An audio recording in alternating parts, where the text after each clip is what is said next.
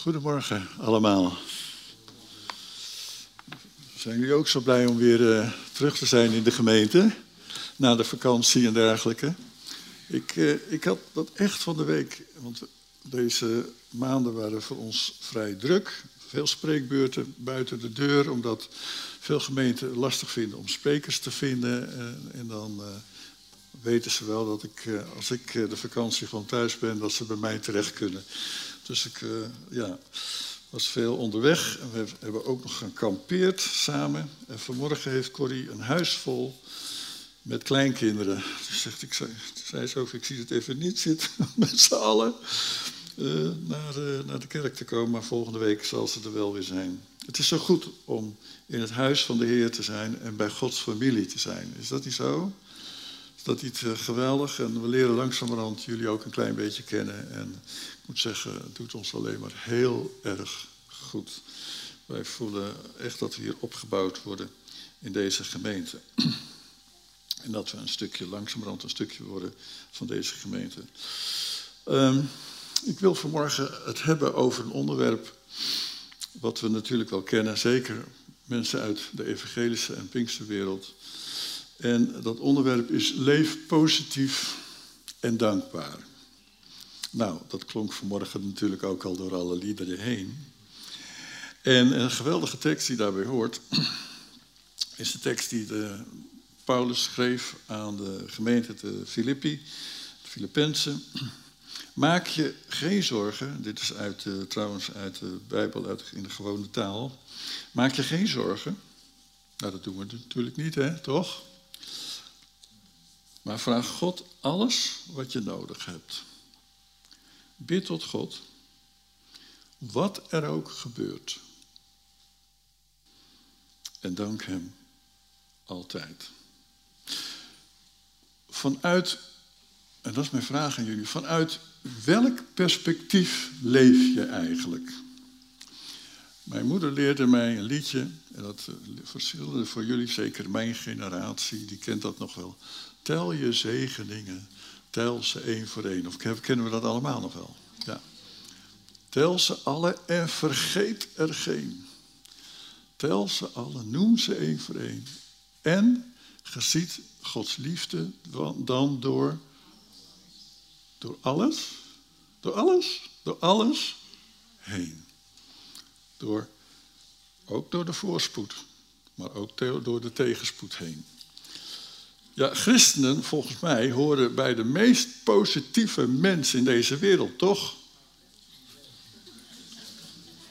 Amen. En toch merk ik bij mezelf, laat ik me gewoon mezelf even nemen, dat ik niet altijd denk en leef en voel vanuit het perspectief van de zegeningen. Maar dat ik soms last heb Jullie niet natuurlijk, maar ik wel. Ja, van mijn eigen beperkte negatieve kijk op omstandigheden. Hebben jullie er geen last van? Ja, nee, ja, soms is dat wel zo. En dan merk je eigenlijk het effect, ik zo de invloed van van negatief denken in je leven. Dan word je gewoon, ik, ik word er zaggerijnig van, ik word er neerslachtig van. Uh, van als ik vanuit de moeilijkheden naar het leven kijk. Mijn moeder zegt, zij, ze is bij de Heer, tel je zegeningen, Peter. Kijk vanuit je zegeningen naar de omstandigheden. Wel, In het boek Exodus lezen we over de reis van het volk van Israël. Kennen jullie allemaal de geschiedenis? Ik zal het gewoon niet helemaal voorlezen, maar gewoon even vertellen. Het volk van Israël dat ja, weggeleid werd uit Egypte, waar ze als slaven werden gehouden, gevangen waren, en werden geleid naar het beloofde land. Wauw, halleluja. En het laat in die reis gelijkertijd de invloed van het negatieve denken zien. Nou, het volk bestond uit enkele honderdduizenden mensen. Je zal toch maar met zo'n groepje op stap moeten. Ik heb wel eens een reis geleid met dertig mensen in een bus. Dat is al heel wat. Maar je zal toch maar met honderdduizend mensen op weg moeten. Wel mensen die allemaal wonderlijk bevrijd waren uit de slavernij. Dus geen klein beetje. Dus heel veel dus eigenlijk eigenlijk. En wel mensen die er meegemaakt hadden dat God tien plagen had uitgestort over die Egyptenaren. En dat God zijn almacht getoond had daarin. Ook om de farao te overtuigen, om hen te laten gaan richting het beloofde land.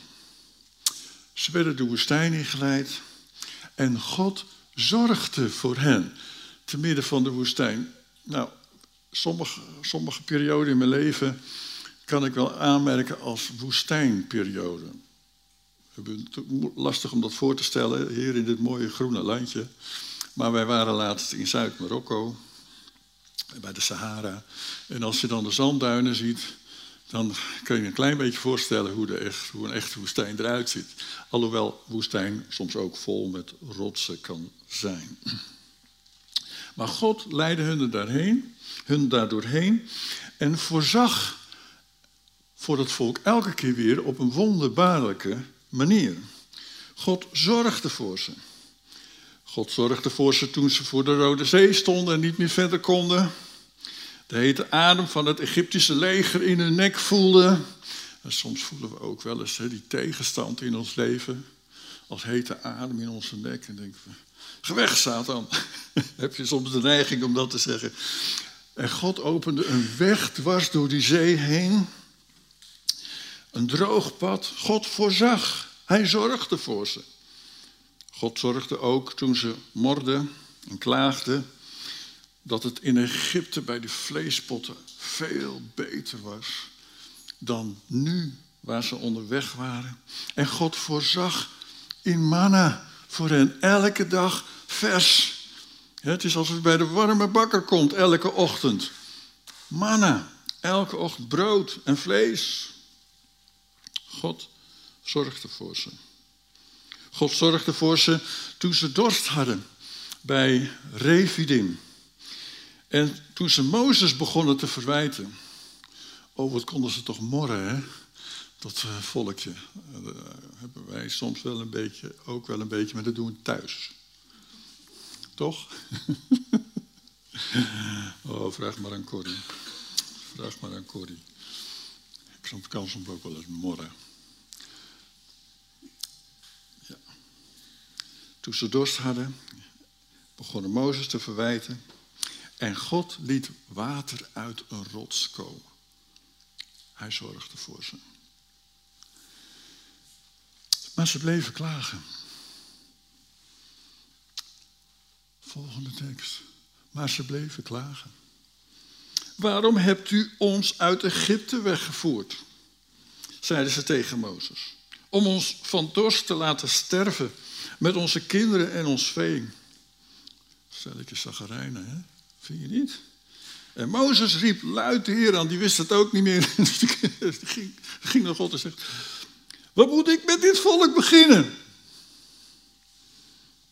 Zeggen we soms ook wel eens thuis hè, over, over onze partner. Heer, wat moet ik met... Oh, nee, toch niet. Ze koos op die momenten eigenlijk om vanuit een negatief perspectief te leven in plaats van uit de zegeningen te kijken. Halleluja. Hebben we zegeningen in ons leven? Amen. Oh, ik heb ze.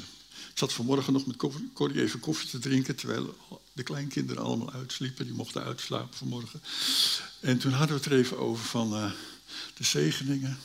Maar we hadden het er ook even over van die tegenspoed die wij in ons leven hebben meegemaakt. Nou, we hadden er geen tijd voor. Koffietijd was te kort om al die dingen achter elkaar op te noemen die gewoon moeilijk waren geweest in ons leven. Moeilijk. Van alles.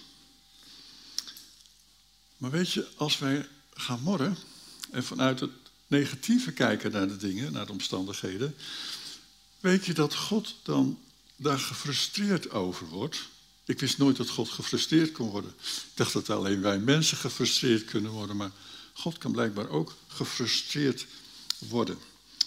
Als we lezen in nummer 14, vers 11, toen hij de verspieders terug, uh, volgende sheet, toen de verspieders uh, terugkeren en uh, het volk angst aanjoegen met hun verhalen over de inwoners van dat land en over die reuzen en zo.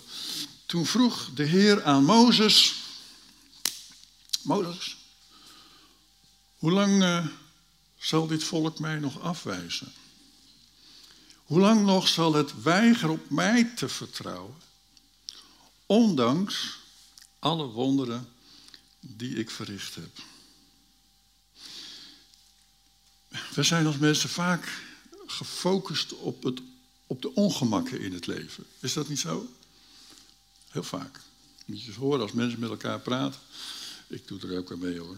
Als ik met mijn, met mijn zwager en met, met, mijn schoonzus, we zaten op de camping, die stonden naast ons.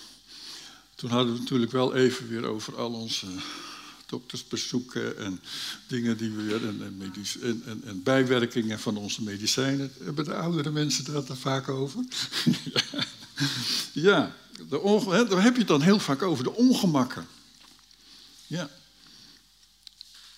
Maar nemen we dan, ontnemen we dan God niet de mogelijkheid om dwars door onze moeite en problemen heen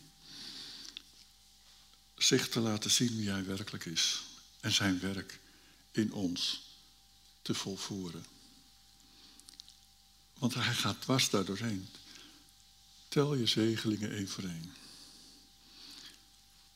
Door alle omstandigheden heen. Weet je, de hoop van morgen, we hebben over hoop gezongen, net, die kan volkomen weggevaagd worden door de ongemakken van vandaag. Je kunt zomaar helemaal wegzinken in de negativiteit en alles wat tegen zit. Is dat niet zo? Wees nou maar eerlijk. Ik ken het in mijn eigen leven. Er zijn dus consequenties aan je maar overgeven aan negatieve gedachten. Je kunt ook kiezen om dat los te laten bij, aan de Heer terug te geven. En uh, je zegeningen te tellen. Daar kun je voor kiezen. Dat is een keuze. Keuzes die we maken, die bepalen de uitkomst van jouw leven. Wel, het patroon in het gedrag van Israël lijkt ook wel een beetje op het patroon soms van ons leven. Om te blijven klagen en te mopperen en te morren, zorgde er uiteindelijk voor dat ze hun vertrouwen kwijtraakten in de Heer. En dat ze op een gegeven moment zelfs weigerden het beloofde land binnen te gaan, want wat die verhalen die ze erover gehoord hadden, nou, daar ga je toch niet aan beginnen. En de consequentie was dat ze 40 jaar lang in de woestijn moesten rondzwerven. Ze vergaten gewoon wat God hun al die tijd in hun leven, zeker die twee jaar in de woestijn die ze al hadden doorgebracht, wat God voor hun gedaan had. En God die oordeelde over hun ongeloof en gaf hun wat ze waar ze om gevraagd hadden. 40 jaar lange jaren rondzwerven. Ik ben daar geweest. Nou, het is echt een zandbak. Echt een zandbak, ja. Weet je, het leven is niet zo maakbaar als dat mensen denken of zeggen, of als dat dat lijkt. Wij hebben geen macht over alle omstandigheden. Was het maar waar ja, dan was het maakbaar, toch? Nee, we hebben geen macht over bepaalde omstandigheden in ons leven. We kunnen wel keuzes maken, dat ligt, dat is, dat, daar hebben we wel macht over. We kunnen wel keuzes maken hoe wij met die omstandigheden om willen gaan, hoe wij willen reageren op die omstandigheden. Dat bepalen we min of meer zelf. Je kunt ervoor kiezen om mop, te gaan mopperen en te klagen. En een heel lijstje bij te houden. Van jongen, jongen, dit is nou al de zoveelste keer dat er iets tegenloopt. Heer, wat is er aan de hand? Ken je dat? En dan zeggen we eigenlijk wel, Heer, ziet u mij eigenlijk wel? Heb je dat wel eens gedacht? Ik wel hoor, echt wel. Je weet het eigenlijk wel wat er, wat er allemaal fout gaat in mijn leven. Daar zijn we dan toe geneigd.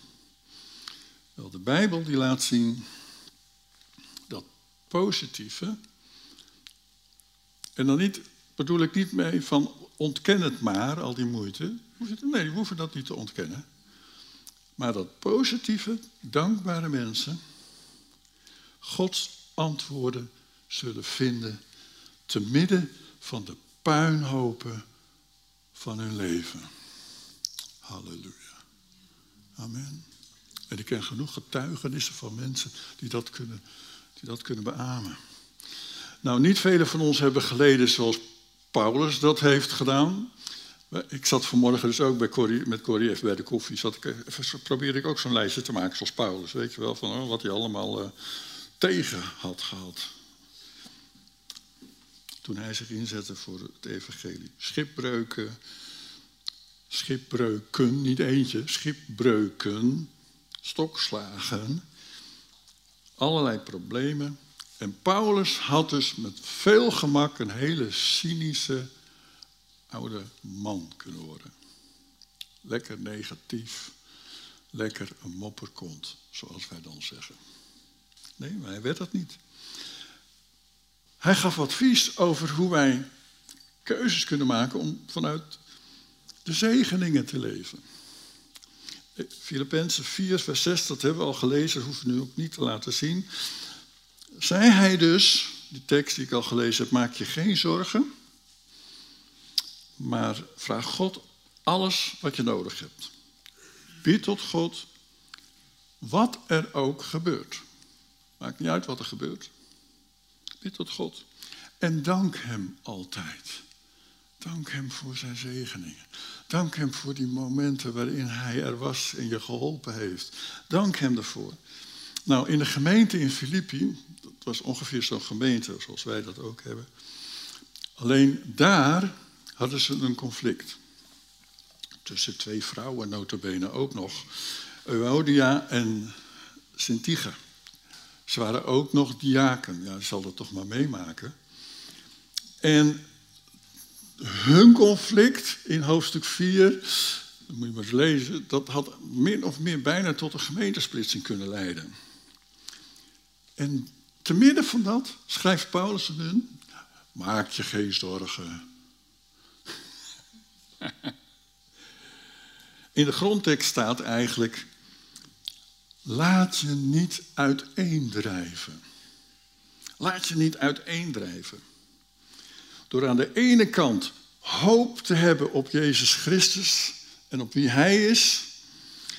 En aan de andere kant je zorgen te blijven maken. Dan word je, dan word je in tweeën gescheurd. Dat maakt je kapot. In het Engels is zorgen maken het woord worry. Worry. W-O-R-R, Griekse ei. Worry. Zorgen maken. Maar het betekent, datzelfde woord heeft ook nog een betekenis van dat iets verwrongen wordt of is. En ik denk dat zorgen maken mensen verwrongen maken. In hun gevoel, in hun beleving, verwrongen. En eigenlijk is zorgen maken, we hebben er allemaal wel eens last van, maar is de grootste dief van blijdschap. Daarom is het ook zo goed om weer elke stond. Ik was zo blij vanmorgen. Ik weet niet of degenen die dat eh, achter me zaten dat gezien hebben. Ik was zo blij. Weer eh, met de familie van God te zijn. Wauw. Mijn broers en zussen, dat voelt zo goed. En dan samen de Heer groot te maken en elkaar aan te moedigen om te kiezen voor die blijdschap in de Heer. Natuurlijk, ik denk dat iedereen van ons wel iets heeft waar hij over zou kunnen mopperen vanmorgen zou kunnen klagen.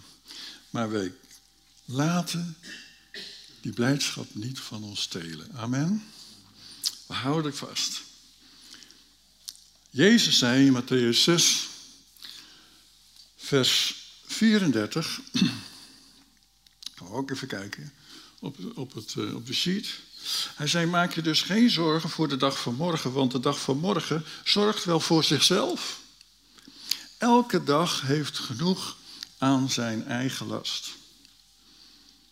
Wel, we zijn allemaal, of tenminste wij zijn allemaal, laat ik het niet te hard roepen.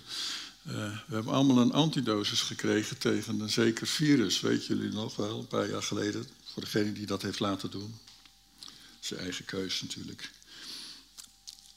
Maar de antidosis voor zorgen is zekerheid en vrede in God. Zelfs als de dood ons bedreigt, zekerheid en vrede in God is, is de antidosis tegen zorgen maken. Filippenzen 4 vers 6, maak er geen zorgen, maar vraag God alles wat je nodig hebt. Bid tot God wat er ook gebeurt en dank Hem altijd. En dan gaan we in vers 7 lezen. Dan zal God zijn vrede aan jullie geven. Zie je?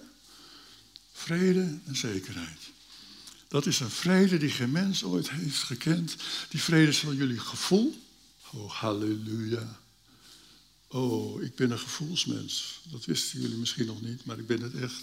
Dan zal jullie gevoel en jullie gedachten, die vrede zal jullie gevoel en gedachten beschermen tegen al het kwaad. Want jullie behoren bij Jezus Christus. Halleluja. Amen.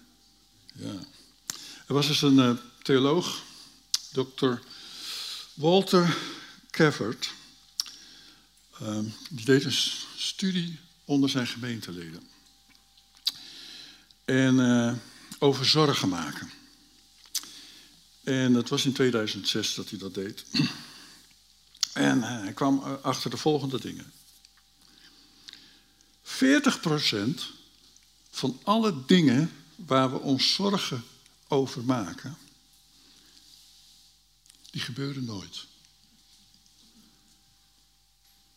40% van alle dingen waar we ons zorgen over maken, die gebeuren gewoon nooit. 30% van de dingen waar we ons zorgen over maken, heeft te maken met het verleden. Wat er allemaal gebeurd is, waar we, wat nog rondspookt in ons. 12% van de dingen waar we ons zorgen over maken, heeft te maken met onze gezondheid.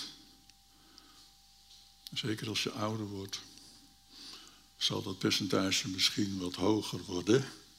12%. En 10%, want dan blijft er ongeveer, uh, oh nee, dan blijft er nog 10%, is, hebben we nog 10%. 10% van de dingen waar we ons zorgen over maken, zijn van weinig of geen betekenis. Dan blijft er inderdaad nog 8% over. 8% van de zaken waar we als mensen ons zorgen over maken, gaat eigenlijk over zaken waar je invloed op hebt. En de rest heb je dus geen invloed op. Dus op 92% van de dingen waar we ons allemaal zorgen over maken, hebben we toch geen invloed op. 8% hebben misschien wel invloed op. Dat is maar heel weinig. Met andere woorden, 92% van alle dingen betreffen zaken die dus waarschijnlijk nooit zullen gebeuren of waar je ook geen invloed op hebt. Ik wil even nog die tekst laten zien uit Johannes 8, vers 44. Het gaat over Satan, de boze. Hij is een leugenaar. Hij hoort niet bij de waarheid. Maar eh, dat stemmetje af en toe, hè? Omdat er geen waarheid in hem is. Wanneer hij liegt, spreekt hij zoals hij is, een aardsleugenaar, de vader van de leugen. Soms worden wij geplaagd door stemmen, door geluiden, door Maar soms kan dat ook gewoon mensen zijn, vrienden, die ons eigenlijk bombarderen met van die bommetjes, uh, toch wel negativiteit. En voordat we het weten, kijk maar eens, de wereld is daar voor, heel vaak mee bezig. Zeker als we nu even naar Den Haag kijken, dat doen we dus niet altijd, maar goed, we moeten straks weer stemmen in november. Als je kijkt wat voor negatieve toestanden we weer allemaal over ons heen krijgen. Maar vergeet niet dat als de leugen, leugen komt van Satan, die mag je ook uh, wegsturen. Maar we kunnen ook ons kop niet als een struisvogel in het zand steken. Ik heb dat trouwens nog nooit gezien hoor. Een struisvogel die zijn kop in het zand steekt. Maar goed, we kennen dat uh, spreekwoord. Dat kunnen we dus ook niet doen. Want we kunnen dus ook niet moeilijke, vervelende, nare omstandigheden ontkennen. Dat is ook niet goed om dat te doen. Wij maken moeilijke dingen mee. Het komt gewoon omdat deze wereld. We leven nog niet in een nieuwe wereld, een nieuwe hemel en aarde, die gaat komen. Maar dat betekent wel dat we onze aandacht op het juiste kunnen richten. Op hetgeen, niet wat de leugen is, maar wat de waarheid is. En als we die Filippenzen 4, vers 6 en 7 hebben al gelezen, doorlezen naar, naar vers 8. Dan gaan we even naar vers 8. Dan lezen wij in hetzelfde gedeelte. Schenk aandacht. Paulus geeft hier aan hoe je dus hè, positief, vanuit het positieve kunt leven, vanuit de zegeningen. Schenk aandacht aan alles wat waar is. Alles wat, wat respect verdient. Alles wat goed is en zuiver. Alles wat het waard is om van te houden. En alles wat eer verdient. Dus schenk geen aandacht aan nepnieuws. Lieve mensen, zou ik zeggen. Ik vind het altijd lastig hoor, om daar doorheen te kijken. Om te weten wat is nou echt en wat is nou niet echt. Maar weet één ding. Satan is bezig met je te bestoken, ons te bestoken, zeker als kinderen gods. Met dingen die niet echt zijn, die gewoon niet waar zijn. En wij mogen proberen vanuit de zegeningen, vanuit die waarheid van God te leven. En vanuit daar te kijken naar de omstandigheden. Wat is dan onze grootste zekerheid?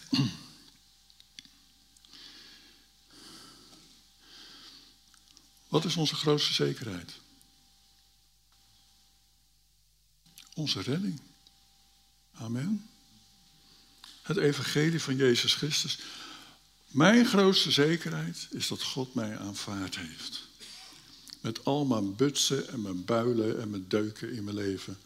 God heeft mij aanvaard. De Heer Jezus heeft ja tegen mij gezegd. Ik heb ja gezegd tegen hem. En daarom zegt God de Vader ook ja tegen mij. Dat is de enige zekerheid die zeker en vast is, zeggen de Belgen. Zeker en vast. En dan zeggen wij, je zegt het verkeerd op. Ja, nee, maar dat is Belgisch. God belooft zijn werk in jou en mij af te maken. Laatste tekst. En dan gaan we zo bidden. Laat je enthousiasme niet bekoelen. Halleluja. Yes, we gaan weer een nieuw seizoen in. Laat je enthousiasme niet bekoelen. Maar laat je aanvoeren, aanvuren door de geest. Dien de Heer. Wees verheugd door de hoop die je hebt. Wees standvastig wanneer je tegenspoed ondervindt. En bid onophoudelijk. Vanuit welk perspectief gaan we leven? Willen we leven? Vanuit het perspectief van de zegeningen of vanuit het perspectief van de moeilijke omstandigheden? Wat een keuze. Het is eigenlijk geen keuze, toch? Als kinderen gods weten we eigenlijk wel waarvoor we willen kiezen. Maar we moeten het onszelf voorhouden. En we moeten af en toe onszelf eens even op de vingers tikken. Zullen we gaan staan met elkaar?